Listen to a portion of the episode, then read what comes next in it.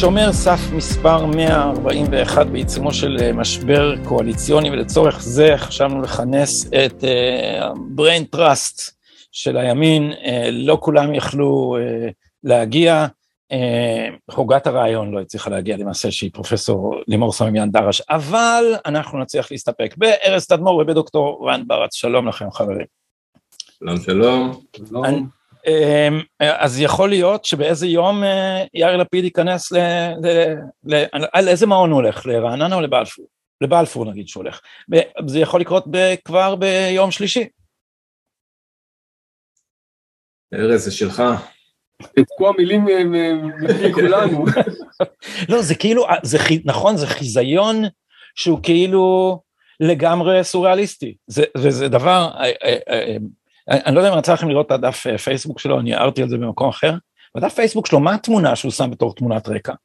הוא וג'ו ביידן, והוא עושה לג'ו ביידן. ככה הם באמצע דאחקה. עכשיו אתה אומר, הבן אדם הזה, הוא חושב שבחירות זה תחרות הסלבריטאות, הוא פשוט יצטלם עם האיש הכי חשוב. זה כאילו אין שם, זה דבר, ולכן אני אמרתי כמה פעמים, נפתלי בנט זה דבר נוראי ונכלולי וכולי, אני יותר, אה, אני, אני עוד פחות רגוע עכשיו, כש, כשנמצא שם ה, ה, הריק הגמור, מפני שאני מרגיש שאפשר למלא את זה בכל דבר. אני לא בטוח שאני מסכים עם זה, כלומר, אני מסכים לחלוטין לחשש שלך מלפיד, אני פשוט, אה, יש לי הערכה דומה לנפתלי בנט, זה dumb and dumber, זה לא נעים להגיד, אבל אה, בדיוק דיברנו קודם על הציטוט הזה שהיה לו באיזה ראיון, שמעתי את זה בגלסגו, וגם ראינו את בנט בגלסגו ובמקומות אחרים עסוק ב... בלהצטלם, בלהצטלם. ב... ספר, ספר, אז מה, מה, מה הוא למד בגלסגו? כן, אה, הוא למד שם, יש שם ציטוט, אה, הוא אמר את באחד הרעיונות הראשונים שלו, ברעיון שבו הוא... אה, מתחיל להיות שיח שמדבר על זה שהדמוקרטיות מיצו את עצמן, זה פסה, שמעתי את זה בגלסגו. שמעתי את זה, הוא שמע את זה, אז הוא מזכיר את זה, זה נשמע לו איזה רעיון שצריך לדבר, הוא שמע את זה, בגלסגו החרבתי את מדינת היהודים. אתה מדמיין את הסיטואציה שהוא יושב בגלסגו בחדר ויושבים שם מדינאים ונשיאים וראשי ממשלות והוא שומע בגלסגו, אתה... זה מביך, ולחשוב על לפיד בסיטואציה דומה, כמו שאתה אומר, הוא... זה מין פורסט גאמפים כאלה, הם התגלגלו, התגלגלו לשם והם מצטלמים שם. אין, אין, אין מי שיחזיק את ההגה, לא היה בשנה האחרונה ולא יהיה... נקווה שרק בארבעה חודשים הקרובים או חמישה חודשים עד ש... רן, תן לנו את הזווית האופטימית שלך. יש, על... יש קטע כזה, שאתה יודע שפוליטיקאים הם הרבה פעמים, הם dumb themselves down, כאילו לקהל, נכון? יש להם את הקטע של אנחנו הרבה יותר, אבל אנחנו משחקים כמו האדם הממוצע, אנחנו מנסים להיראות כמו הישראלי הרגיל, אנחנו יש לנו את, ה, את השטויות של כל, של כל אחד ואחד. ואצל לפיד אני לא חושב שהיא dumb it down, אני חושב שהתמונות האלה, וכל, זה באמת מה שהוא חושב שעושה פוליטיקאי, הוא חושב שפוליטיקאי הולך ומצטלם ומתראיין ונותן שואו ועושה, וזה, ו, והמערכות מתנהלות והוא שם בשביל, זה, זה מה יש, אין, אתה יכול לקלף את הציפוי כמה שאתה רוצה, אין מאחורי זה שום דבר, אין אה, פסל זהב מאחורי הטיט. אבל מה שאני, מה שאני מנסה לומר כבר, כבר הרבה זמן, הוא שהריק הפוסט מודרני הזה הוא לא רק דבר ניטרלי, ואני עוזב כרגע שהוא צריך לקבל החלטות כמובן בתור ראש ממשלה, אני מדבר מבחינה תרבותית.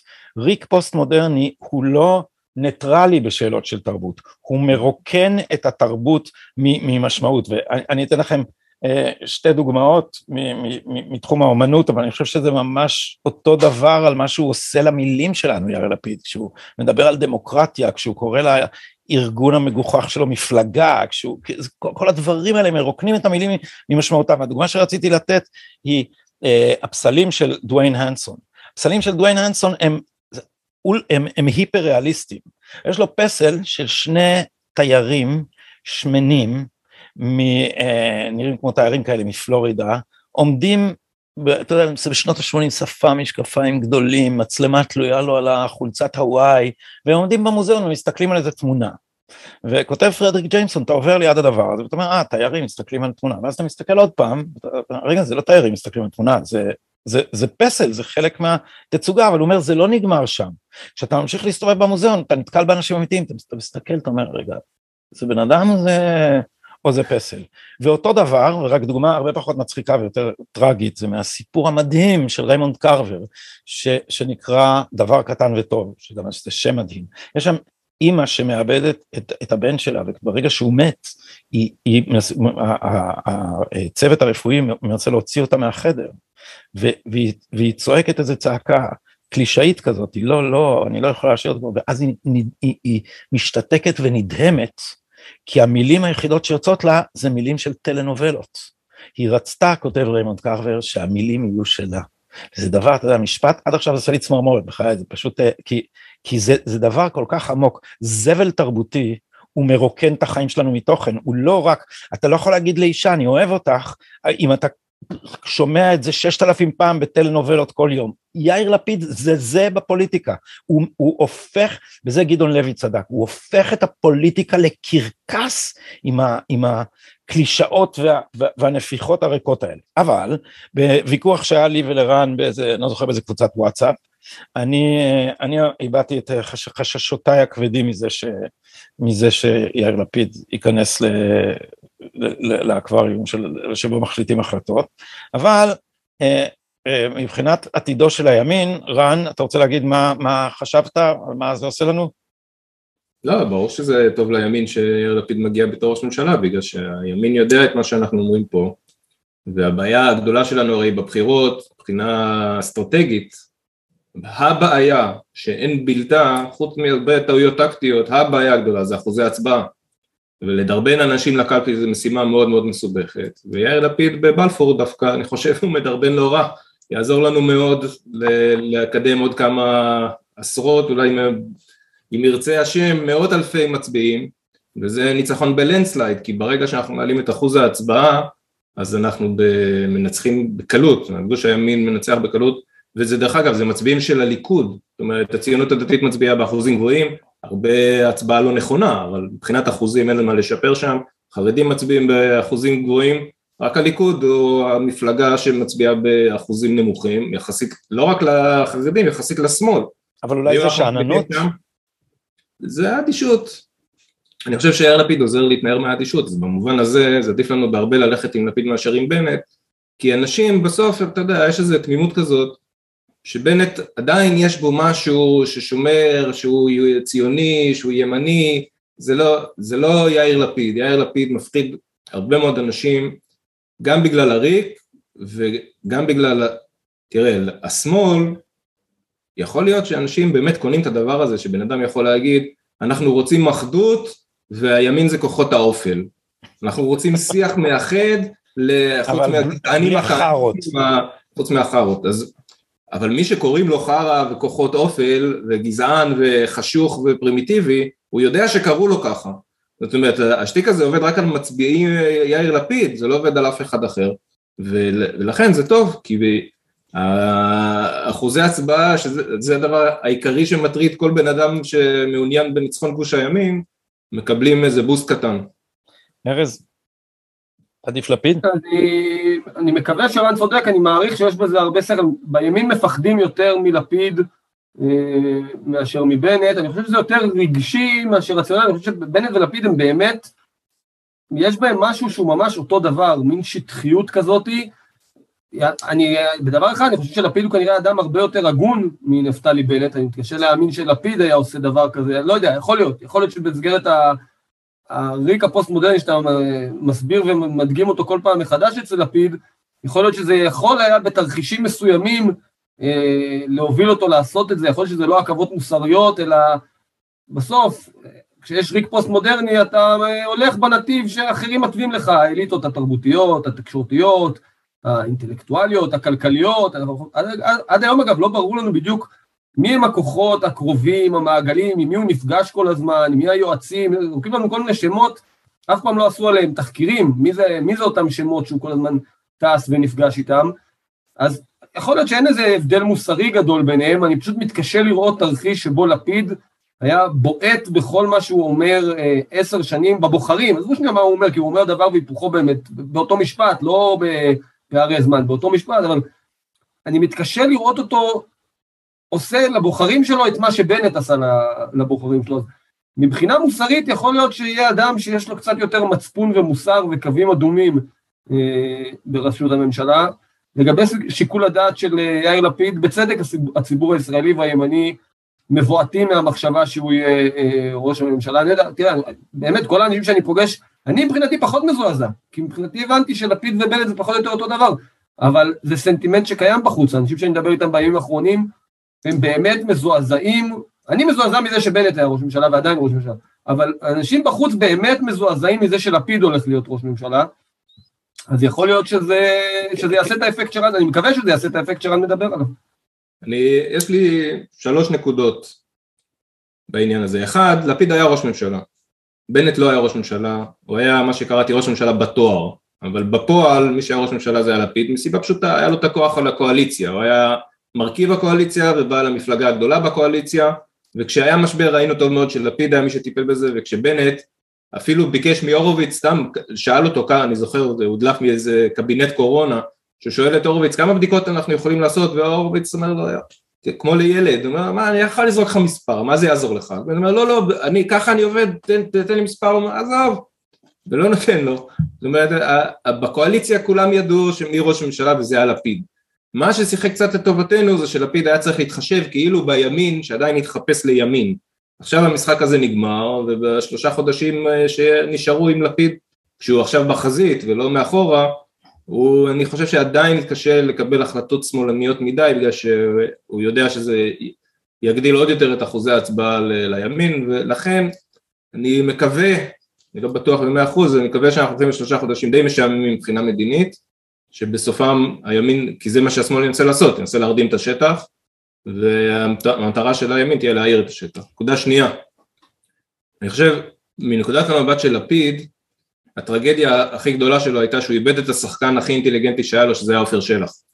עכשיו עופר שלח הוא איש שמאל אפילו קיצוני אבל הוא בן אדם חכם, אינטליגנטי והוא ידע לתת ליש עתיד את הנופך שכאילו יש, אם אתה מקלף אז יש משהו מתחת מעבר לפופוליזם ומעבר לקלישאות יש שם קצת שכל, עכשיו ללפיד בעצם אין כלום, יש לו רק כמו, כמו שארז אומר, היועצים שאנחנו לא מכירים.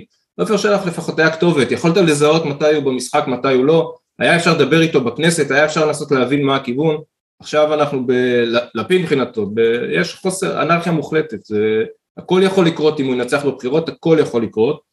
ונקודה אחרונה, והיא במטה פוליטיקה, זה התחיל אצל שרון, אבל לפיד הוא זה ששינה את הפוליטיקה בישראל. כל המפלגות היום הם כולם בסגנון אה, קדימה ובעצם היום בסגנון של יש עתיד כל הפוליטיקאים השאיפה הגדולה שלהם בחיים זה לעמוד בראשות רשימה ולהנדס את הרשימה שמאחוריהם עם חיילים צייתנים בלי מתפקדים, בלי פריימריז, בלי שום דבר שמגביל אותם ומאלץ אותם אלא פשוט הכנסת היום מורכבת לא ממפלגות אלא מאנשים בודדים שמאחוריהם יש שורה של חיילים והדבר הזה נכון שההתחלה, המקור שלו זה המפץ של שרון, אבל ההצלחה שלו בלשנות את פני הפוליטיקה זה בגלל לפיד.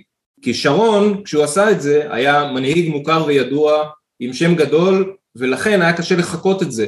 אבל אם לפיד מצליח, אז כל אחד חושב שהוא יכול, וכולם מנסים, אז זה סער וליברמן ו- ובנט, ועכשיו זה יקרה עוד ועוד, והדבר הזה הוא מסוכן, הוא גרוע, אני כותב על זה במאמר שלי למקור ראשון, על זה בשבוע שעבר, זה הופך את הפוליטיקאים שלנו לחסרי אחריות כלפי הציבור. זה כמו במשרד החינוך, שהבעיה שלנו זה שהמורים והמנהלים לא אחראים להורים, אלא למשרד החינוך. פה הפוליטיקאים היום בעצם חייבים הכל לראש רשימה. לא בוחר בהם ציבור שהם צריכים לתת לו דין וחשבון, אין להם שום accountability, אין להם שום אחריות נציגותית, הם לא מייצגים אף אחד, אלא ממונים על ידי ראש רשימה והדבר הזה הוא מזיק בצורה שאנחנו לא יכולים לשער אפילו, זה יותר מזיק בהרבה מאשר זה שיאיר לפיד הוא ראש ממשלה. ארז אתה... הדבר, המדהים בנקודה הזו, רק להשלים את הנקודה הזו, שהמפלגה הדמוקרטית כמעט היחידה, זו שיש בה מסורת וחיים דמוקרטיים אמיתיים, נערכים בפריימריז הליכוד, משלמת מחיר על הדמוקרטיה שלה, כי תמיד מבליטים את הצדדים הפחות נעימים של, אה, לא יודע מה, מפעל הנקניקיות הדמוקרטי של הליכוד, מוצאים את הדילים, את העסקנים, את האנשים שמצטלמים הכי פחות או מתבטאים הכי פחות טוב, מציגים את זה לציבור, והציבור חלקים ממנו, כלומר, מפלגה שבה אתה מהנדס את הכל בחדר סגור, יושב יאיר לפיד עם יועציו, הכל סטרילי, מהנדסים איזה רשימה, וכתוצאה מכך, במשך עשור, אף אחד שם לא מעז לא להצביע ואפילו לא לפצות, אה, לפצות פה ולהגיד מילה שלא מקובלת על, אה, על הבוס, ומי שעשה את זה חרג מהשורה במילימטר, נבעט מה, מהרשימה ונענש על זה. זה נתפס כפוליטיקה אחרת, פוליטיקה, כי הכל זה החזות, הכל זה המר, חזות העין, המראית החיצונית, הריקה והחלולה. דמוקרטיה היא יתרון, אנחנו רואים, בליכוד לא היו מצליחים לעשות דבר כזה, כשזה קרה בליכוד, הליכוד התפרק. אז יש לה מחירים, יש לה צדדים שליליים, אבל היא עדיפה פי מיליון על הסטריליות המלאכותית הזאתי, שבסופה אתה מקבל אה, הונאה פוליטית סטייל אה, ימינה, אתה מקבל רשימות של יסמנים בכל, בכל יתר המפלגות, ושוב, במקום שזאת תהיה דמוקרטיה ייצוגית, למעשה יש כמה טייקונים פוליטיים כאלה, כל אחד עם כמה אצבעות שהוא מצליח לגרד, והם מנהלים בין עצמם איזשהו סחר מכר פוליטי שלא סופר את רצון הציבור, שכאילו בוחר, אה, ושוב, זו נקודה שאנחנו, אני לא יודע, אנחנו צריכים לנסות להדגיש אותה בפני הציבור, שהדמוקרטיה של הליכוד, הפריימריז שנערכים בליכוד, זה יתרון ולא חיסרון, אבל כשאנחנו מדברים על הקהל של יאיר לפיד, זו נראית לי משימה די בלתי אפשרית להסביר להם את זה, אז שיהיה לנו בהצלחה. אבל במובן מסוים הקהל הזה בוחר את נציגיו, זאת אומרת, הוא בוחר את המנגנון הדיקטטורי הזה. אה, צריך לומר הסתייגות מסוימת מהדבר הזה, ש... וזה אני כל הזמן אומר שהבעיה הכי גדולה זה העיתונות. כשיכתבו את הסיפור של העידן הזה, זה הסיפור, הסיפור הוא, הבעיה היא העיתונות. כל אה, הפלת נתניהו באמצעות הפוטש הזה, זה, זה סיפור של העיתונות, זה הכל התחיל מהניסיון של נתניהו לבזר את חוק התקשורת, זה הכל, כל הסיפור מגיע לחוק ישראל היום ומתחיל משם, ו, ו, אה, והוא מתגלגל עד, ל, עד, עד לפוטש שבעצם הצליח, וה, והעיתונות, אני, נות, כן. יש פה נקודה שרציתי, אתה יודע, אחרי שקראתי עכשיו את הטור של נחום ברנע, גם בדיוק ציטטתי את זה ושלחתי לך גדי, שבנט בא, ובטור של נחום ברנע הוא מסביר איך בנט כינס יועצים ומומחים לדון בשאלה מה עושים עם מכונת הרעל ברשתות. ואז אה, הוא מסביר שם, שורה התחתונה, שאחת המסקנות שבוחנים, זה שהממשלות צריכות לפנות לצוקרברג ודומיו, ועכשיו לאילון מאסק, ולהגיד להם, או שאתם מתחילים לשלוט במה שקורה שם, כלומר צנזורה, או שנטיל עליכם מיסוי של 89 אחוזים, דווקא 89 כדי שזה לא יישמע 90 או עוד איזה אה, ספין כן. כזה. זה כזה מדויק, כן. זה מדהים, זו פסקה, זו פסקה מדהימה, ואני חושב שבסוף מה שאנחנו מבינים... זה, זה הטור של נחום ברנע שכמובן תומך בזה, כי הוא בכה על אובדן המונופול של האמת, כמו שהוא קרא לזה, בתרגום אובדן המונופול שלו בידיעות אחרונות על, האמת, על, על הנרטיב. עכשיו מה אנחנו רואים פה למעשה? אחד, אנחנו רואים פה, זה מתכתב בדיוק עם הספר שלך, עם ניידים נייחים, כלומר המאבק בין הלאומים, בין העמים, שמחפשים ושואפים בין היתר שיהיה להם כוח ביטוי, דמוקרטיה אמיתית, כוח ביטוי יכולת להביע את הדעות שלהם, לא רק מיקרופון של מעטים, מין טייקונים תקשורתיים, אוליגרכיות תקשורתיות כאלה, כלי תקשורת גדולים שלהם, מה שנחום ברנע מבכה, את האובדן שלו.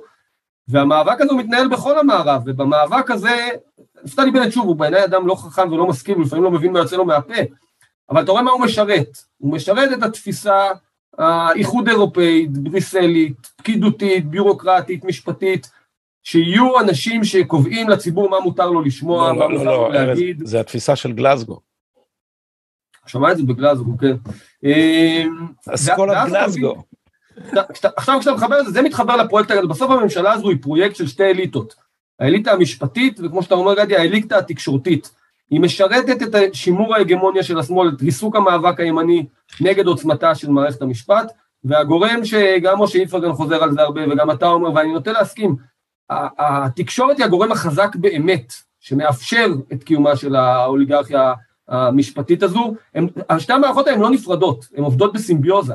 הן אחת מתחזקת את השנייה, כשנתניהו בא לטפל בתקשורת, לנסות לפתוח את התקשורת, לגוון את התקשורת, אז התחילו לתפור לו תיקים על זה ואותתו לכל המערכת הפוליטית, בזה אל תיגעו.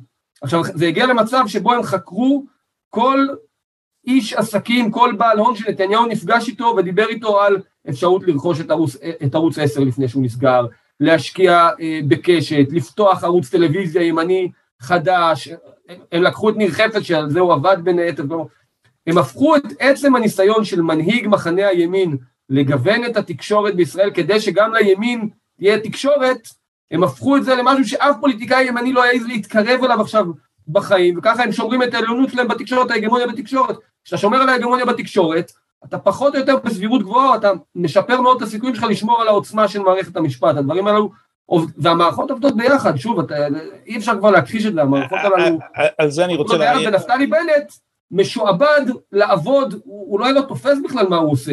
הרי הוא התחיל בישראל שלי, הוא התחיל בקבוצת פייסבוק, שעוקפת את התקשורת כדי לתת ביטוי לימין שלא מתנצל, לימין החדש, הימין, הקמפיין הראשון הבולט שהם עשו בישראל שלי היה גל"צ סכין בגב של החיילים. הוא השתמש בפייסבוק כדי לתקוף בשיא הארסיות והבוטות את תקשורת המיינסטרים, והוא מסיים את המעגל הזה כמי שהתקשורת המיינסטרים, תקשורת השמאל, הבן כספיתים ואנחנו ברנע, מריצים אותו כפרזנטור נגד מכונת הרעל של הימין בפייסבוק ובטוויטר, והוא רוצה להשתמש בכוחה של המדינה כדי לצנזר את הפייסבוק ואת הטוויטר. בקיצור, זה, זה היפוך, היפוך של 180 מעלות, אבל אם נביא כמה קרוונים לאביתר יהיה בסדר והימין יהיה רגוע והכל טוב. אני מאמין שהוא מבין מה הוא עושה, שהחישוב שלו נוגע בין השאר לזה שהוא יודע מה מערכת המשפט יכולה לעשות, ויש לי רק הערה אחת הזאת, כי אני, אני משוכנע שאתה צודק בקשר לזה שהברית שמחזיקה את כל העסק הזה זה תשלובת פרקליטות עיתונות. זה, ה, זה אפילו לא בית המשפט העליון, זה, זה השילוב של הפרקליטות והעיתונות,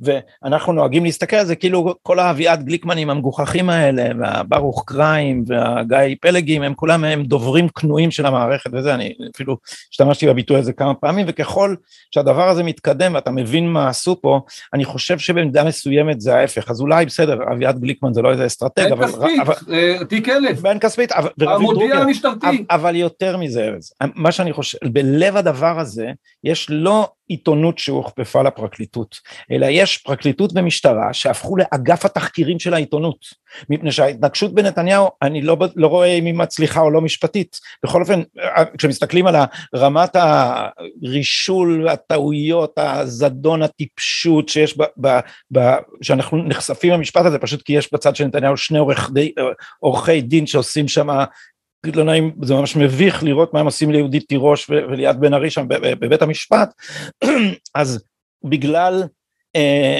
בגלל שאנחנו אה, רואים את, ה, את, את הצד הזה, אנחנו אה, מבינים שזה לא באמת נועד להגיע לבית המשפט, אלא המטרה של החקירות הייתה הדלפות. ההדלפות זה לא אינסידנט שולי בתוך העסק, המטרה הייתה להזין את התקשורת בחומר נגד נתניהו כדי שהוא יפסיד בבחירות, זה מה שקרה, וזה התבהר לי כל כך מפני שאתה יודע, אני מתעסק, אה, התעסקתי עוד יותר ב-Russian collusion של, של דונלד טראמפ, ושם אתה רואה, אתה רואה, יש סיפור מגוחך על טראמפ שהוא מרגל רוסי שמתחיל בקמפיין של הירלרי קלינטון, העיתונים מתחילים לדווח על זה, ואז דוחפים את זה ל-FBI, ה-FBI מבין מה מצפים ממנו, ופותח חקירה על כלום, כדי שהעיתונים יוכלו להגיד שיש חקירה. ואז היית יודע, רגע, טראמפ עכשיו הוא בחקירת FBI על הקשריו עם רוסיה. זה, אז, אז אה, הסימביוזה הזאת היא לפחות אה, דו-כיוונית והאירוע הוא אירוע ציבורי ותקשורתי. זה, תן לי לקחת את זה קצת אה, מארצות הברית, אתה יודע ביידן, אתה בטח זוכר את השמות יותר טוב ממני, הוא רצה לפתוח גם כן איזה משרד צנזורה כזה לרשתות החברתיות, להילחם כן. ב fake news, זה, זה נפל לו, לא הצליח, הוא מינה שם איזה שמאלני. נפל לו מהאופניים, כן. כן, בדיוק. אז אה, אבל כן, הרי אני פה, הדמוקרטים בפאניקה מוחלטת לקראת ה-midterm elections. מקווה שבצדק. כן, כן, אני, זה נראה רע מאוד עכשיו. תראה, אני פה שנה עוד מעט, מחירי הדלק כמעט הכפילו את עצמם, זאת אומרת, האמריקאי הממוצע נוסע עכשיו, הדלק משפיע על כל יוקר המחיה פה, האינפלציה פה משתוללת, וכל אחד, אני, כשאני אורח אני מרגיש את זה, ואמריקאי שחי פה ומשלם הרבה יותר ממני לאורך השנים, בטח מרגיש את זה הרבה יותר חזק, וזה מביא אותי ל... הסיבה שהם רוצים להילחם ברשתות החברתיות זה שהן מחליפות את התקשורת הממסדית שהיא ברובה בידיים של השמאל הרי, זה לא, זה, זה שם, זאת אומרת התפקיד שלהם זה להבטיח את ההגמוניה של השמאל בתקשורת הממסדית ולעשות מה שהם יכולים כדי להשתיק את הרשתות החברתיות שזה הביטוי הדמוקרטי האחרון של הימין סתם הערה, אנחנו אומרים כל הזמן טוויטר, פייסבוק, הילדים שלי אומרים טיק טוק, אינסטגרם, כנראה שהם אה, בסוף גם, הם לא יוכלו לנצח אה, עד כדי כך, אבל מה שיפה לראות, שזה גם המקרה האמריקאי וגם הישראלי, בסוף יש מציאות. האנשים האלה חיים בבועה, אנשים כמו יאיר לפיד, הם חיים בבועה פוסט מודרנית תודעתית, זאת אומרת הם בטוחים שהמילים קובעות את המציאות, וזה לא נכון.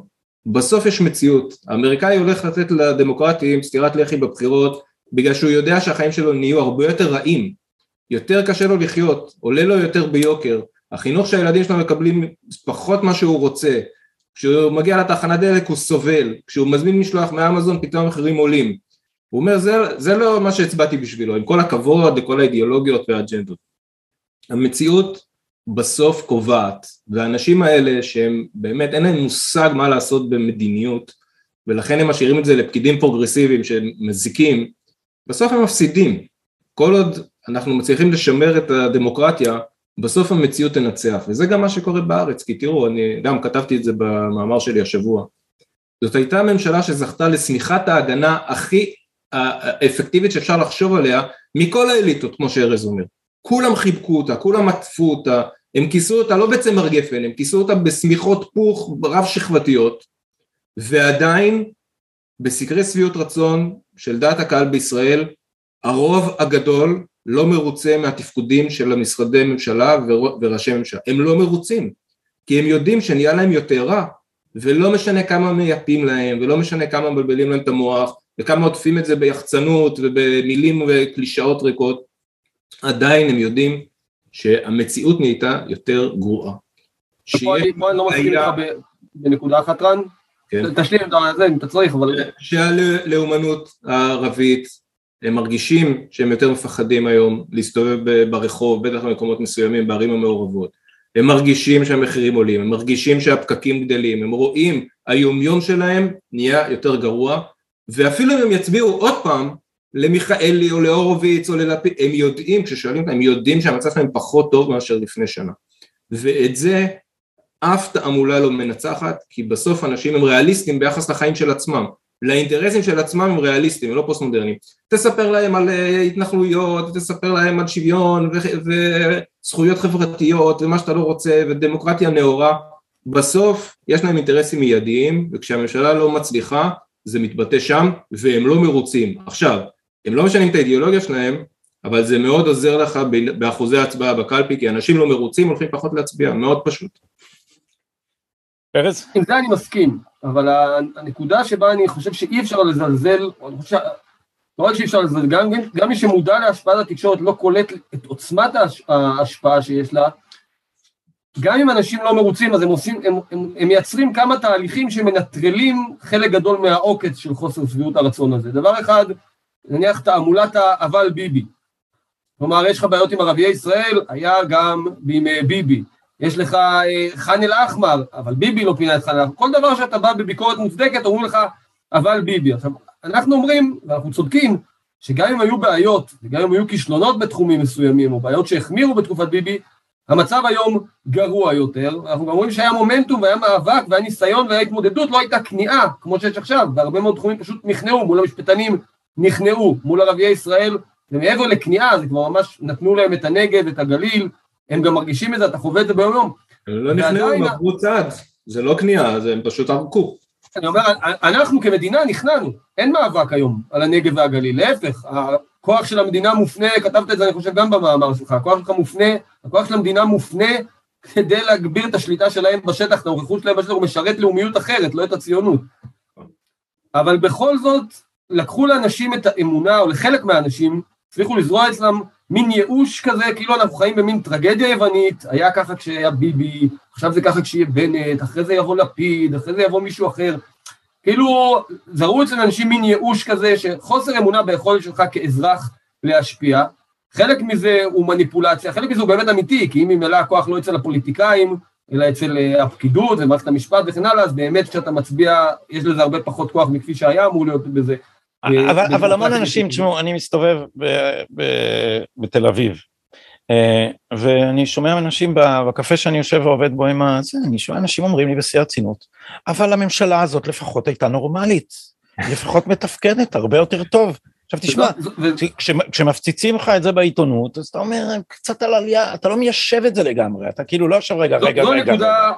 זו הנקודה הסוציולוגית, שהיא הנקודה השנייה, כלומר מצד אחד הם זורעים ייאוש, ומצד שני הם יכולים לייצר לך פחד אה, מהדמונים הגדולים שהוא מדומיין לחלוטין, מהסמוטריצ'ים, מהבן גבירים, מהכפייה הדתית, דברים שלא היה שינויים, להפך, היה יותר חירות במדינת ישראל בעשור של נתניהו, כך כל מדד אפשרי, תבדוק את זה, יותר חירויות פרט, יותר אה, ליברליות, בכל, בדת ומדינה, בחינוך, ב...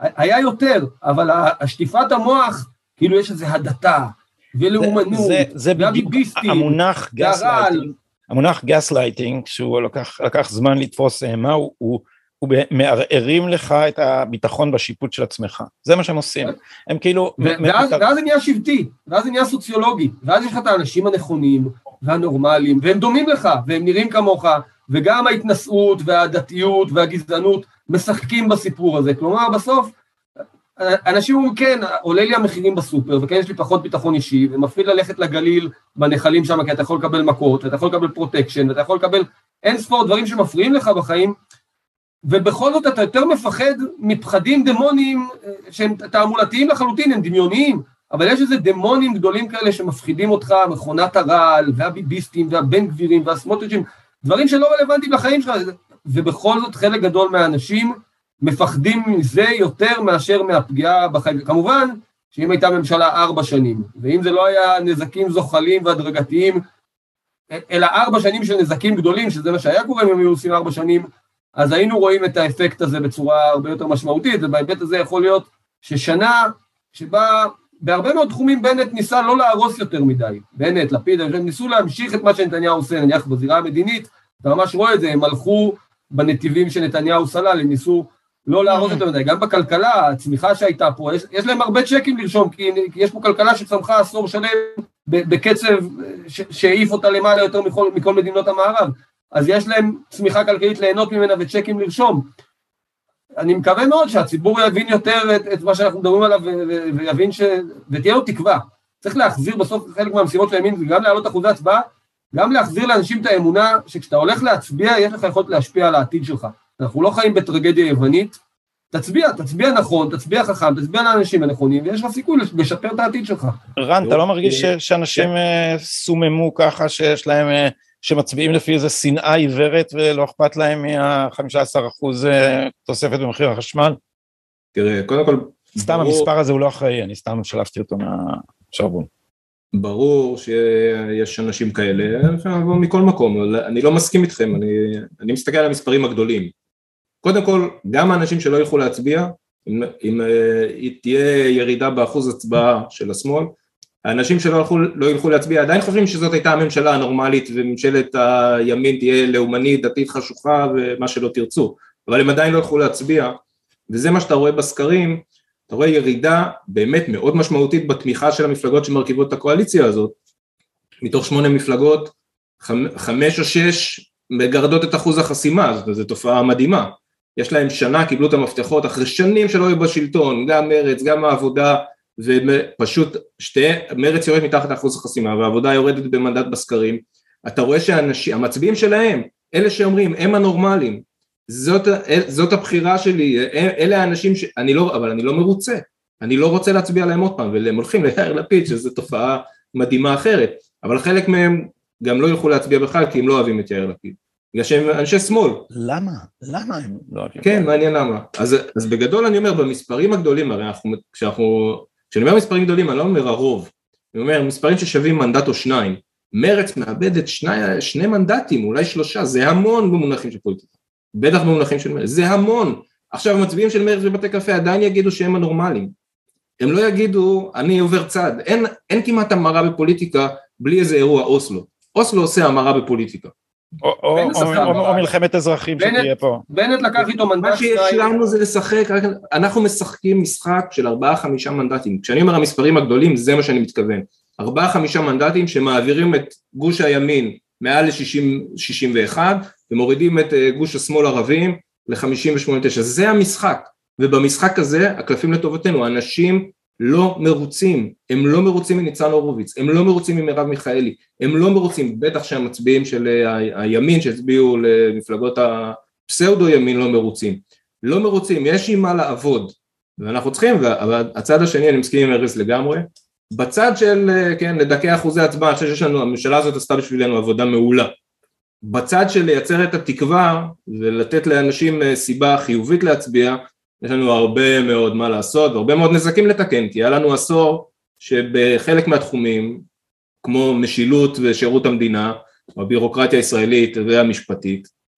אנחנו בהחלט בחסר, אנחנו צריכים כן להציג איזושהי תוכנית שתיתן לאנשים תשובה לשאלה שמטרידה את ארז כבר הרבה שנים, למה אתה מצביע ימין ומקבל לשמאל. אני רוצה לעבור... תוסיף פה משפט גדי. תוסיף בבקשה, כן, כי אני רוצה לעבור נושא אחרי זה, כן. בנגטיב אנחנו, אני חושב שגם המציאות וגם אנחנו מצליחים להסביר את הנזקים שהממשלה עשו ואת המשמעות המוסרית של מה שבנט וגדעון סער עושים, שהם הצטרפו למחנה שרודף את הימין, את זה אנחנו מצליחים.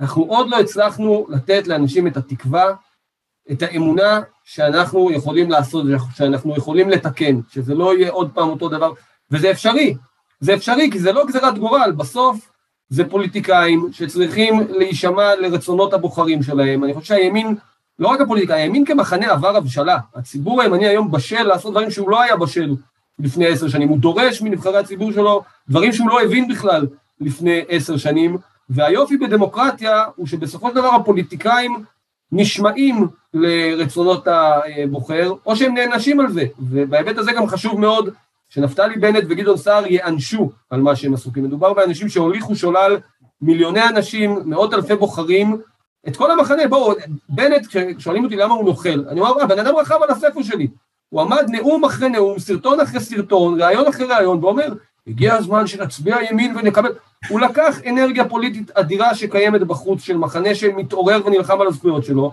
רתם את זה לצרכיו רק בשביל בסוף והייתי, שמחתי, כשפוליטיקאי מהימין בא והשתמש בספר, אמרתי, מבחינתי זה הצלחה. זה עוד, עוד, עוד הפנמה ועוד הבשלה לתהליך שאנחנו מבינים שהוא ארוך כדי ש, שבסוף תהיה משילות ימנית. בסוף הוא מכר את הכל בשביל, בשביל עצמו, והוא צריך להיענש על זה. וזה שיעור דמוקרטי מה, הכי חשוב שיש, שגדעון סער יימחק מהחיים הפוליטיים וייעלם, וכל הגמדים שאיתו שם, ונפתלי בנט ייעלם. זה השיעור, כדי שפוליטיקאים יבינו וזה גם יחזיר לאנשים את האמונה שכשאתה הולך להצביע, יש לך למי להצביע, ואם הפוליטיקאי ימכור אותך ויבגוד בך, הוא יענש את זה. אני רק רוצה, לפני שאתה עובר לנושא גדי, כן. הערה אחרונה, אם הימין ינצח בבחירות, אני חושב שזאת הייתה שנה טובה, כי דבר אחד אנחנו קיבלנו, ב... אנחנו צריכים להגיד תודה רבה לממשלה הזאת, שיעור במשילות. הם הראו לנו איך במשך שנים הגבילו את הימין מלעשות דברים שהם א' ב' של שלטון, כמו למנות אנשים עם תפיסת אה, עולם, כמו לאייש את השירות הציבורי במשרות, במשרות ניהוליות של אנשים שבאים לממש מדיניות של ממשלה, כמו המעמד האמיתי של הייעוץ המשפטי שהוא מייעץ ואם הממשלה מחליטה ללכת נגד, נגד הייעוץ אז היא הולכת נגד הייעוץ וזה הכל כמו בעיקר במינויים של תקנים בכירים בשירות המדינה. כל הדברים האלה קיבלנו שיעור מעולה מה, מהממשלה הנוכחית. אנחנו כמובן נצטרך לעשות רולבק להרבה דברים שהם עשו כי הם הרי באו בשנה אחת מינו לשירות המדינה את האנשים שלהם לעשור בערך, אנחנו כמובן נצטרך לתקן הרבה מהדברים האלה, בעניין הזה זה שזה רק שנה זה גם טוב, כי אפשר לתקן יותר בקלות, אבל קיבלנו שיעור יפה, איך ממשלה צריכה להיראות, איך נראית משילות, איך מקבלים אה, החלטות ומיישמים אותן במהירות נגד כל המכשולים שהיו לימין, ועכשיו אין יותר תירוצים. אז יופי, אתה עוזר לי לעבור נושא בעצם, כי הנושא הבא הוא אה, אה, האם הקואליציה הימנית, אם תקום כזאת אחרי הבחירות, אכן יכולה לטפל בשאלה המשפטית. ורן, זה, זה נכון שהם לימדו אותנו שיעור במשילות, אבל גם כל האנשים האלה הפסיקו להפריע להם וזזו להם מהדרך, ולא לא תפרו להם תיקים, ולא הגישו נגדם בג"צים, ולא, זאת אומרת, הם לא נתקלו בחומת ההגנה שהימין, כל פעם שהוא מנסה לעשות זה, הרי רץ לתוך דיונה עם... עם בריקדות אה, אה, שמנמרות אותה, אה, ו, ולא במקרה הוא מאבד את התנופה. אבל עכשיו נגיד שהימין אה, מנצח ונגיד שנתניהו ראש הממשלה בא ומרכיב קואליציה. האם במצב הנוכחי ראש הממשלה בעיצומו של משפט יצליח להפוך את כל האירוע הזה על ראשו ככה שתהיה לו לגיטימציה ציבורית מספקת, יכולת, חיילים, קואליציה יציבה כדי לחולל שינוי מערכת המשפט. כי תסכימו איתי שזה דבר מאוד לא פשוט לחולל שינוי מערכת המשפט כשאתה עומד למשפט. אני, אני אגיד לך. קודם כל, זה שנתניהו במשפט ברור שזה גורם מגביל. אין בכלל ספק, זה נותן ספין מצוין נגד כל מהלך, זה שהוא מנסה להימלט ממשהו משפטי וכולי, ברור שזה מגביל ולכן ברור שהוא צריך גם להרחיק את עצמו קצת מהדבר הזה ולהפקיד את זה ב, בידיים של אחרים. אבל אני חושב שמה שצריך לעשות זה לא להתייחס למערכת המשפט באופן נקודתי. מערכת המשפט פשוט מאוד בולטת, אבל מה שקורה במערכת המשפט מבחינת המאפיינים הבירוקרטיים נקרא לזה של העברת סמכויות מפוליטיקאים נבחרים לפקידים הוא קורה all across בכל שירות המדינה, הפוליטיקאים הולכים ומאבדים את המעמד שלהם והפקידים הולכים ומקבלים אה, יותר ויותר סמכויות ומה שצריך לעשות זה רפורמה בשירות המדינה שבתוכה יש רפורמה גם בייעוץ המשפטי שהוא בסך הכל עוד היבט אחד של משרד המשפטים. אנחנו שוכחים כן או היועץ המשפטי לממשלה שזה היבט של, של ראש ממשלה וממשלה. בסך הכל זה חלק מהרשות המבצעת ולרשות הממשלה יש סמכות לערוך רפורמות בשירות המדינה ובאופן שבו היא, היא מעסיקה אנשים וצריך לעשות רפורמה כוללת ולא להתייחס לזה כאילו זה, זה לא עניין משפטי רק, זה עניין רב מערכתי וצריך תוך שנה אחת, בגלל זה צריך תוכנית, בגלל זה זה מאוד מתסכל אותי שאין תוכנית, צריך לעשות רפורמה בשירות המדינה שתאפשר ניהול הרבה יותר גמיש, מינויים הרבה יותר גמישים, הרבה יותר קצרי מועד, צריך לבטל את הקביעות, דברים כאלה שיאפשרו לך גמישות לנהל לשר לנהל את המשרד שלו, בתוך זה גם במשרד המשפטים, לשר המשפטים צריכה להיות יותר, צריכה להיות יותר סמכות לנהל את משרד המשפטים, זה בסך הכל פסיק בתור רפורמה רחבה שהימין צר לי להגיד בורח ממנה כמו מאש במשך שנים. לא נוגעים בשירות המדינה, לא נוגעים בפקידות, להפך. נתניהו בעצמו העביר הרבה מהסמכויות של המשרד שלו למטה. צריך לעצור את התהליך הזה, תהליך גרוע.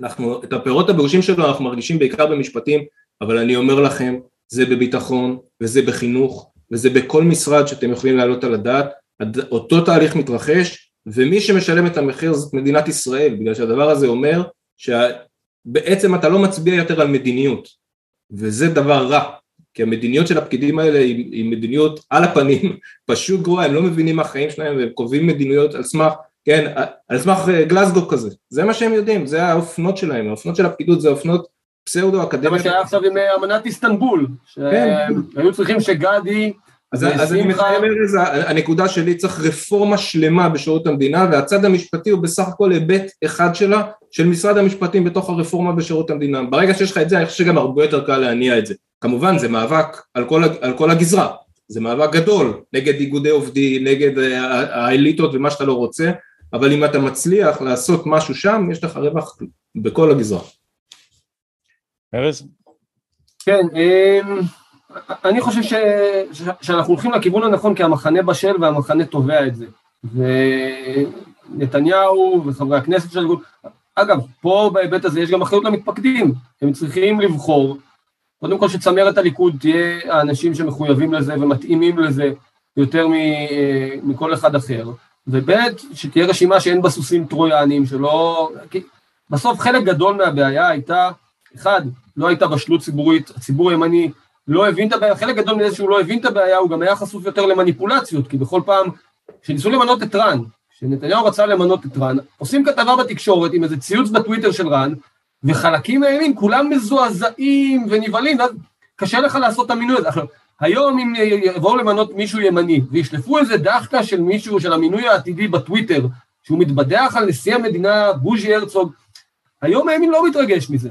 רוב הימין לא מתרגש, כלומר, הימין קודם כל כציבור עבר שינוי, וכפוליטיקאים הוא עבר שינוי, כלומר פעם היה לך בליכוד, בליכוד של 2009, דן מרידור, בני בגין, מיקי איתן, אה, בוגי יעלון, כחלון, הימנים של 2013 שחשבנו שהם מובילי המאבק נגד מערכת המשפט, איילת שקד, נפתלי בנט, גדעון סער, הם היו החוליות החזקות בעיני המחנה במאבק הזה, הם היו החלוצים של... היום אנחנו מבינים, הם עובדים אצלם, אולי הם לא עבדו אצלם, אבל הם היו אנשים חלשים שבסופו של דבר החולשה שלהם הפכה אותם למי שבסופו של דבר משרתים אותם או עובדים אצלם, או בולמים את השינוי, כי הממשלה הזו, התכלית, לא סתם השמאל הסכים לתת לאנשים האלה את התפקידים הבכירים, את הכבוד, את הצילומים בגלסגו ועל השטיחים וכן הלאה וכן הלאה. הם הסכימו לתת להם כי הם ריסקו את המאבק הימני לשינוי. אז א', המחנה בשל, גם הפוליטיקאים יותר בשלים, גם צריכים לבחור את הפוליטיקאים הנכונים, גם הציבור הימני בשל ותובע את זה, אני חושב שגם נתניהו מבין, חבל על בשרו, והוא מבין, אני חושב שהוא תמיד הבין את הבעיה, אבל הוא מבין אותה הרבה יותר טוב, והוא מבין גם שהוא לא יכול לא לטפל בה, כי הוא צריך לטפל באיראן, לטפל בפלסטינים, לטפל באובמה, אתה לא יכול לברוח מהבעיה הזו, היא רדפה אחריך, היא נשכה אותך, היא אכלה אותך, היא טרפה אותך, היא ריסקה את הדמוקרטיה פה. אין לך ברירה אלא לטפל בזה. ואני גם אגיד עוד משהו שהציניות הימנית לא במקומה בנושא הזה, אנשים כל הזמן אומרים, נתניהו לא יטפל בזה לעולם, וכן הלאה וכן הלאה. בהסכמים הקואליציוניים של 2019, אפריל 2019, כשחשבנו שניצחנו, לפני שהבנו שליברמן מכר אותנו, היו 60 מנדטים ימניים וחמישה של ליברמן, הבנו כבר שבנט לא עבר את אחוז החסימה, אבל עבדו על הסכמים קואליציוניים. בהסכמים הקואליציוניים הללו כבר היו בפנים שורה של רפורמות מול מערכת המשפט, אני זוכר את זה גם בזמן אמת, גם לאחרונה כדי לוודא את הדברים, ראיינתי על זה את סמוטריץ', עברו שם הליכים דרמטיים לשינוי הרכב הוועדה. יש מצב, תפקיד. יש מצב, ארז, שבדיוק בגלל זה ליברמן הפיל את הקואליציה. אני מציע לא, לא לפסול את ההיפותזה שליברמן מבין שזה שכל פרשות ישראל היום, איכשהו השם שלו נעדר מהם, זה לא מקרה, ואני אני לא קונה את התזה. יכול להיות, ש... אבל יש לי אינדיקציה אחרת כן. שהיא, שהיא סותרת את זה קצת, שבליל הבחירות, כשחשבנו שניצחנו, ואני זוכר, הדבר הראשון שנתניהו עשה היה להתקשר לראשי מפלגות הימין, כדי מה שנקרא לנעול את זה סופית. כולם ענו לטלפון. בנט שחשבו שעבר את אחוז החסימה, וכחלון, ולא זוכר אם זה היה סמוטריץ' או רפי פרץ, והמפלגות החרדיות, ליברמן כבר באותו לילה לא ענה לטלפון. לא ענה לטלפון. עכשיו, בתמימותנו חשבנו שזו טקטיקת משא ומתן קשוחה של אביגדור ליברמן, שטס לווינה ומשחק אותה קשה להשגה, אני חשבתי ככה לגמרי. לגמרי, לגמרי חשבתי ככה בהתחלה, כי זה נראה לא, לא הגיוני, ולכן אני אומר, ליברמן ידע, ידע מה יכולה לעשות קואליציה ימנית, זה אם הקואליציה הזאת הייתה קמה כשהיא נשענת עליו, כשהיא בלעדיו היא נופלת, אז uh, לא צריך לעשות חשבון נורא מסובך בשביל לחשוב איפה המערכת מחפשת את הרגל החלשה. וזה לא היה, ליברמן הוא למוד חקירות אינסופיות של, לא יודע, 11 שנה חקירות נגדו uh, התנהלו, הוא, ו, ובגלל שהוא כזה בן אדם קר רוח, אז אני לא קונה את זה ששנאתו הלוהטת לנתניהו, זה מה שהניע אותו לעשות משהו. אני גם לא קונה את זה גם לא אצלו ולא אצל גדעון סער, אבל אני אומר, כדי להתייחס לסקפטיות הימנית, בנושא הזה זה אחד, הנוש... אחד הנושאים שיש הכי הרבה סקפטיות, אומרים, אה, הוא לא טיפל בזה 12 שנה, הוא לא... עמדו לטפל בזה. באפריל 2019 זה היה בהסכמים הקואליציוניים, עמדו, לא יודע אם טיפול מלא, שורשי, עד הסוף, אבל הלכו לעשות דברים שלא עשו מעולם, והם שינויים דרמטיים, שינוי הרכב הוועדה לבחירת שופטים, פיצול תפקיד היועמ"ש, עכשיו אני אוסיף פה משהו נוסף, אני מסכים עם כל מה שרן אמר, כי באמת מערכת המשפט זו הבעיה הכי גדולה והכי בולטת בתוך הבעיה הגדולה ביותר של כל אה, עוצמת הפקידים ואיך שזה מתנהל בכלל, מה שנדרש בשירות המדינה, אבל אני אוסיף את הרפורמה שהיא צריכה להיות הראשונה, והיא זו שתאפשר בכלל את כל היתר. הרבה דברים צריכים לבוא פה במקביל כדי לחזק אחד את השני ולמנוע את היכולת של השמאל לנטרל אותם, אבל הדבר הראשון שצריך להקים זה גוף ביקורת אפקטיבי על הפרקליטות ועל להב 433, אנשים שהעבודה שלהם היא לחפש את הפשעים, את העבירות, את השחיתות, את, את הפגסוסים, את הדברים הללו, גוף ביקורת על הפרקליטות, ושתיים זה ועדת חקירה, שתחקור בדיוק מה נעשה בכל, ה, בכל המקומות הללו. ברגע שיהיה לך את זה, הם כבר לא יוכלו להמשיך ולסחוט פוליטיקאים ולהטיל עליהם אימה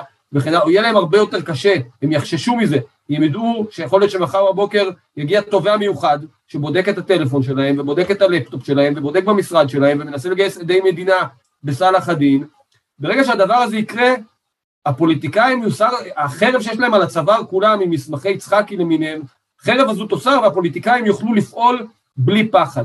זה, זה הדבר הראשון, כי כל עוד הם מבוהלים ומפוחדים, אז גם אנשים שאתה חושב שהם ברזל, בוא, ליברמן חשבו שהוא אה, הכי ימני, נפתלי בנט ואיילת שקד היו מובילי המאבק הזה. מה קיבלנו? קיבלנו מה שקיבלנו. אני, כמה הערות, תרשו לי. קודם כל, איך שהגוף ביקורת על פרקליטות צריך בשביל אזרחים. מבחינת אה, חברי כנסת, אה, הרי יש איזשהו trade-off, אנחנו, אנחנו מפחדים משחיתות של חברי כנסת ושרים, ולכן אנחנו רוצים לתת כוח לפרקליטות, שתהיה מין צ'ק כזה ות... תוכל למנוע מעשי שחיתות של פוליטיקאים. אני חושב שמה שאנחנו רואים זה שהמטוטלת לגמרי בצד השני. בגלל שהפוליטיקאים יש עליהם ביקורת שהיא הביקורת הציבורית והתקשורתית, זאת אומרת אם התקשורת חושפת פרשת שחיתות, גם אם זה לא מתבשל לכתב אישום זה משפיע על הבוחרים, ולעומת זאת על הפרקליטות אין שום, אין לה accountability בכלל, אז אין עליה שום צ'ק, אז כשאתה מעביר כוח לפקידות, אתה מאבד אותו לנצח, זהו, הם עכשיו שם, וגם אם יהיה גוף ביקורת לפרקליטות, אז ממי הוא יורכב? הוא יורכב מאנשים אה, מבשרה של הפרקליטות, מערכת המשפט היא מערכת אחת, יש לך צוואר בקבוק של אנשים, ולכן, אני יותר רדיקלי, צריך גוף ביקורת על הפרקליטות בשביל לשמור על אזרחים, פוליטיקאים צריכים פשוט לחיות תחת חסינות. כל עוד אתה מכהן, אתה חסין, ואחרי שאתה מכהן שיחקרו אותך אם עשית פשעים ויכניסו אותך לכלא כמה שרוצים. כל עוד אתה חבר כנסת או שר או ראש ממשלה, הפרקליטות לא מתקרבת, לא משטרה, לא פרקליטות, עם כל הכבוד, זה הרבה יותר גרוע שאנשים עלומי שם יכולים להפיל חברי כנסת נבחרים על שחיתות לכאורה, לא על שחיתות מוכחת, מאשר שהם יעשו את השחיתות ואחרי זה ילכו לכלא ואנחנו, והפוליטיקאי הבא בתור יתקן את השחיתות, כי זה הפיך. אז אני הרבה יותר רדיקלי, אני לא צריך לדעת ביקורת על הפרקליטות בשביל הבעיה הפוליטית, אני צריך לתקן את הבעיה הפוליטית לחוקי חסינות, כמו שהיו בישראל דרך אגב, לא צריך פה משהו, לחבר כנסת יש חסינות וזה גרם לזה שהחקירות היו הרבה פחות אה, אפקטיביות. רן לפני סיום, נוספת, כן, כן, כן, תגמור, תסיים את הנקודה.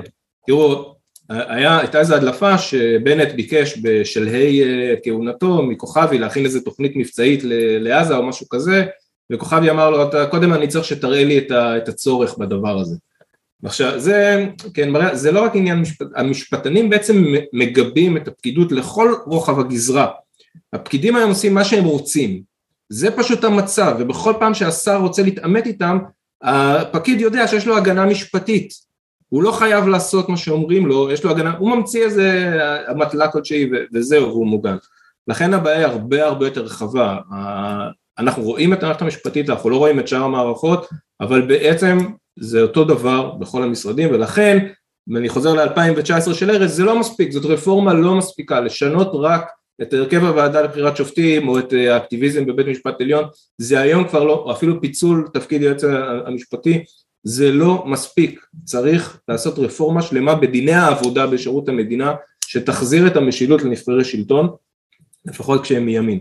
נקודה אחרונה, הסיפור עם ליברמן, ליברמן לא, זה לא שהוא לא היה זמין, אוקיי? וזאת אחת הבעיות בקמפיינים, בעיקר של הליכוד. הליכוד, כל, נתניהו, כל הזמן עושה חשבונות מי יישב איתי אחרי הקמפיין. ולכן הקמפיינים שלו מאוד מאוד מעודנים, נגד סער ונגד בנט ונגד ליברמן, כי כל הזמן הוא מנסה לשמור את הגשר הזה עומד, שיהיה גשר. עכשיו אני חושב שזה קשקוש, אחרי הבחירות כל הקשרים ממילא נבנים מחדש, ברגע את התוצ... התוצאות אמת, כל מה שהיה לא היה, זה לא משנה כבר. המשחק מתחיל מחדש לפי מה אתה יכול לתת ומה אתה יכול לקחת. אבל כל הזמן נזהרים בכבודו של ליברמן ולא עשו קמפיין מספיק, תקשיבו, אני אומר לכם, בקמפיין אמיתי אפשר להוריד את ליברמן מתחת לאחוז החסימה. אפשר, פשוט לא עשו את זה אף פעם. לא הלכו לבוחרים של ליברמן והסבירו להם מי הוא ליברמן באמת. עכשיו זה גם יותר קל. אפשר להוריד אותם מתחת לאחוז החסימה. פשוט תמיד נתניהו חושב על השיחת טלפון שאחרי שמגיעות התוצאות מהמדגמים והוא רוצה שהוא יענה לו. ומה שאני בא להגיד הם לא יענו. האנשים האלה עברו הם מרקו. עורקים הם עורקים. נגמר הסיפור. זה לא שהוא לא עונה באופן זמני וזה לא שהוא לא זמין, הוא לא איתך, נגמר. זה לא טקטיקה, זאת אסטרטגיה, וצריך להתחיל להוריד את האנשים האלה מתחת לאחוז החסימה ולהרוויח, תקשיב, כשמפלגה בשמאל לא עוברת את אחוז החסימה זה רווח טהור, זה רווח כלל מערכתי, כי עכשיו הקולות מתחלקים אחרת, ולכן אנחנו מרוויחים הרבה יותר, זה לא רק שהמנדטים שלהם לא נספרים, אנחנו מקבלים יותר מנדטים, ולכן גם חשוב להעלות את אחוז החסימה, את אחוז ההצבעה, כי כשאתה מעלה את אחוז ההצבעה יותר קל לא לעבור את אחוז החסימה. אז בעניין הזה הייתי רוצה לראות קמפיין ליכוד מאוד מאוד ממוקד בנגטיב שלו על האנשים האלה שהוא תמיד בעבר תמיד נזהר בכבודם וזה שקד ובנט וסער וליברמן וכל החבר'ה האלה שתמיד חושבים אולי אחרי הבחירות הם, הם ישנו את דעתם וייזכרו שהם ימין שום דבר. עבר לשמאל עבר לשמאל. עכשיו הם שמאל וצריך להתייחס אליהם בהתאם. אז אני רוצה רק רן את התייחסותך לפני סיום לנקודה שארז העלה בעניין ה... האם יש לנו את החיילים שיעשו את זה, האם, האם בליכוד יש עכשיו אה, חוד חנית יציב מספיק בשביל לעשות את מה שאנחנו רוצים שיעשה. אני חושב שלא, אנחנו צריכים לראות מה יהיה בפריימריז. יש לנו כמה חבר'ה טובים מאוד בליכוד, שאני מאוד אוהב, ואני חושב שהם מאוד מודעים לעניין ולצורך, אבל אני עדיין רואה שהליכוד מתנהל בלי מצע, אני עדיין רואה שהחבר'ה האלה הם מאוד טובים, הם מדברים יפה, הם מתראיינים יפה, הם אומרים את הדברים הנכונים, אבל אין להם תוכנית, אין תוכנית, וזה מאוד מטריד אותי, כי אני יודע שכשאין תוכנית מגיעים לאחרי הבחירות ואז מתחיל, אתה מתחיל להתפשר במסגרת המשא ומתן שלך, וכשאתה מתחיל להתפשר בלי תוכנית אז אתה מתפשר הרבה הרבה יותר. כשיש לך תוכנית אז אתה אומר תראה אני יכול להוריד את סעיף 4 אבל אני חייב להישאר עם 2 ו-3, כשאין לך תוכנית אז הכל נזיל והכל אפשרי ואתה ולכן זה מאוד מטריד אותי. אז יש לנו כמה חבר'ה טובים, גם דיברנו עליהם בעבר גדי, אנחנו גם אה, יודעים מי הם. הייתי רוצה לראות בפריימריז כמה חבר'ה ששילמו את המחיר של כל המערכות בחירות חוזרים, ובעיקר הייתי רוצה לראות שהליכוד מתחיל לעבוד עם קאדר של אנשים שהם לא פוליטיקאים, מתחיל להכניס למערכות, כמנהלי מערכות שירות המדינה, אנשים עם תפיסת עולם של פקידים, שהם באים תחת ממשלה שהיא ימנית, לממש מדיניות ימנית ולא להילחם נגד הממשלה תחת העזרה של המערכת המשפטית. ברגע שתעשה את זה, אז פחות קריטי כמה חברי כנסת שבדיוק מודעים למצב יש לך ואתה יכול לפתור את הבעיה הזאת ככה. הייתי רוצה לראות את הליכוד מתחדש, הייתי רוצה לראות את הליכוד מגיב למציאות של מפלגות משוריינות, זה כבר לא מספיק, הפריימריז הליכודי שהוא באמת היחיד בסדר גודל אה, גדול שנשאר במערכת והוא חשוב והוא נחוץ והוא דמוקרטי והוא הכרחי לשמירת הליכוד כמפלגת מרכז ימין לאומית ליברלית הוא נהדר ולא מספיק יותר, המציאות השתנתה, אתה נלחם במפלגות מהונדסות ולכן אתה, אני ההצעה הקבועה שלי שכמובן אף פעם לא תקרה אבל אני לא אפסיק להגיד אותה זה שליש שליש שליש, הליכוד צריך להיות שליש מתפקדים שליש חברי מרכז, כי אנשים שהולכים להיות חברי מרכז גם צריכים לקבל קרדיט על זה, זה אנשים שמעורבים בפוליטיקה המפלגתית, וצריכים לקבל על זה קרדיט, אז שליש מתפקדים, שזה הקרדיט שלך כאדם שהתפקד במפלגה פוליטית, שליש מהרשימה בוחרים מתפקדים, שליש מהרשימה בוחרים חברי מרכז, ושליש בוחר מי שהוא יושב ראש הרשימה, אני חושב שזה איזון נכון, שגם מאפשר לליכוד לבוא לבחירות הרבה הרבה הרבה יותר צעיר ורענן ומוכן למשימה. ארז, המילה האחרונה שלך. זהו, אני מסכים עם כל מילה, מה, זהו, נגמר, אין מה להגיד. בגדול אנחנו חוזרים תמיד לא- לאותו סיפור, הימין הוא רוב עצום, והכוח של השמאל, לא רק בתקשורת, זה הרבה מעגלים, התקשורת והמשפט בולטים לנו ואנחנו מדברים עליהם הרבה, אבל זה כל המעגלים, זה הכסף הגדול, זה הארגונים החוץ פרלמנטריים, זה האקדמיה, זה הבון טון התרבותי, כל הדבר הזה ביחד מצליח לקחת את הרוב הימני, את חלקו להמיר ולגרום לו לערוק ולעבוד בשביל הצד השני, ואת חלקו לייאש ולתסכל ולהשאיר בבית, והמאבק שלנו הוא הפוך, המאבק שלנו הוא להעיר ולתת לאנשים תקווה ואמונה. בואו, בסוף יש לאנשים זכות שהיא לרוב, מה זה רוב? לרוב מוחלט של האנושות בהיסטוריה, 99.999 אחוז מבני האדם בהיסטוריה, לא הייתה את היכולת להשפיע על עתידם. אז גם אם היכולת הזו לא מושלמת, וגם אם פוליטיקאים חלקם רמאים, וגם אם לפקידים יש כוח מוגזם, בסוף יש לך כוח פוליטי. הוא לא הכוח הפוליטי האידיאלי, הוא לא ישראל להיות דמוקרטיה מושלמת, היא רחוקה מלהיות דמוקרטיה, הפתק שלנו רחוק מלהיות מה שהוא אמור להיות. אבל לא יכול להיות שהפתרון לזה יהיה לא להצביע. לזרוק את הכוח הפוליטי, כי כשאתה זורק את הכוח הפוליטי, זה מה שהם רוצים שתעשה. אתה משרת בידי מי שמדכא אותך, אתה, אתה עובד אצל מי שמדכא אותך. ונקווה ש... שאת זה יצליחו לעשות, זה הסיפור הגדול, ובמקביל למה שרן אמר, אין ספק ש...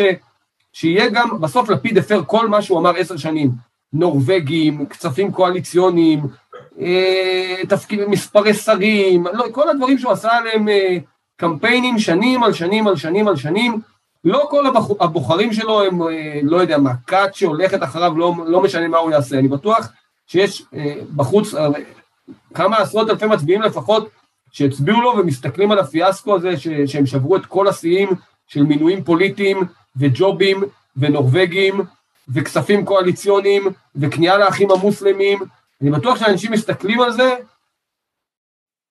ולחלקם זה יפריע. אז יש פה שני פקטורים שאמורים לשחק לטובת הימין, והימין צריך לעבוד, הימין צריך לעבוד. טוב, עוד לא רואים את זה בסקרים, אבל כן, כן, רן. אז תן לי, אתה, תן לי להיות, אה, אני ריאלי, אבל זה יתפרש באופן אופטימי. קודם כל, לפיד גם תקף את די, די, רגע, שנייה, כן? אני רוצה רגע. כן, תעשה... רול תופים, כן. לא- אני לא מסכים עם אה, ארז, אני חושב שהסקרים טועים, בגלל שהסקרים, תראה, המפלגות עושות סקרי עומק יותר טובים, בגלל שהם מנסים לשקלל את אחוז ההצבעה ואת המוטיבציה ללכת להצביע, מה שסקרים טלוויזיוניים בדרך כלל לא עושים. אני חושב שכן, יש הזדמנות מאוד מאוד טובה להעלות את אחוזי ההצבעה בכמה אחוזים בימין, להוריד כמה אחוזים בשמאל, והתוצאות יכולות להיות מאוד מאוד מפתיעות יחסית לסקרים עכשיו. זאת אומרת, כרגע הסקרים בנויים על איזשהו מודל לא רלוונטי של אה, פילוח האוכלוסייה המצביעה, אני חושב שהולכים, יש מגמה של, אה, שיכולה להשתנות לטובת הימין, ולכן זה דואבל לחלוטין, אפילו לא 61, זה דואבל לחלוטין אפילו 64, 65, צריך לעשות כמה שינויים, צריך לעשות קמפיין טוב, אבל זה אפשרי, כי הממשלה הזאת משאירה הרבה מאוד כלים שאנחנו יכולים לעבוד איתם. ו... אני מסכים, שלא ישתמע שאני לא מסכים, אני מסכים, אבל זה, זה דורש מאיתנו לעבוד נכון. ו- וגם למה לא עושים כמו טראמפ, למה נתניהו לא הולך לאזורים שבהם יש אחוזי הצבעה נמוכים ועושה שם אספות בחירות, זה כאילו זה, זה נראה לי א' ב' ומוכרחים לצאת מהמוד של ה... של קמפיין פינקלשטיין, כי אני, אני רואה את זה בא, אני רואה את זה בא, כי כבר היינו בארבעה סיבובים כאלה, שבסוף הקמפיין יהיה עוד פעם פרס יחלק את ירושלים.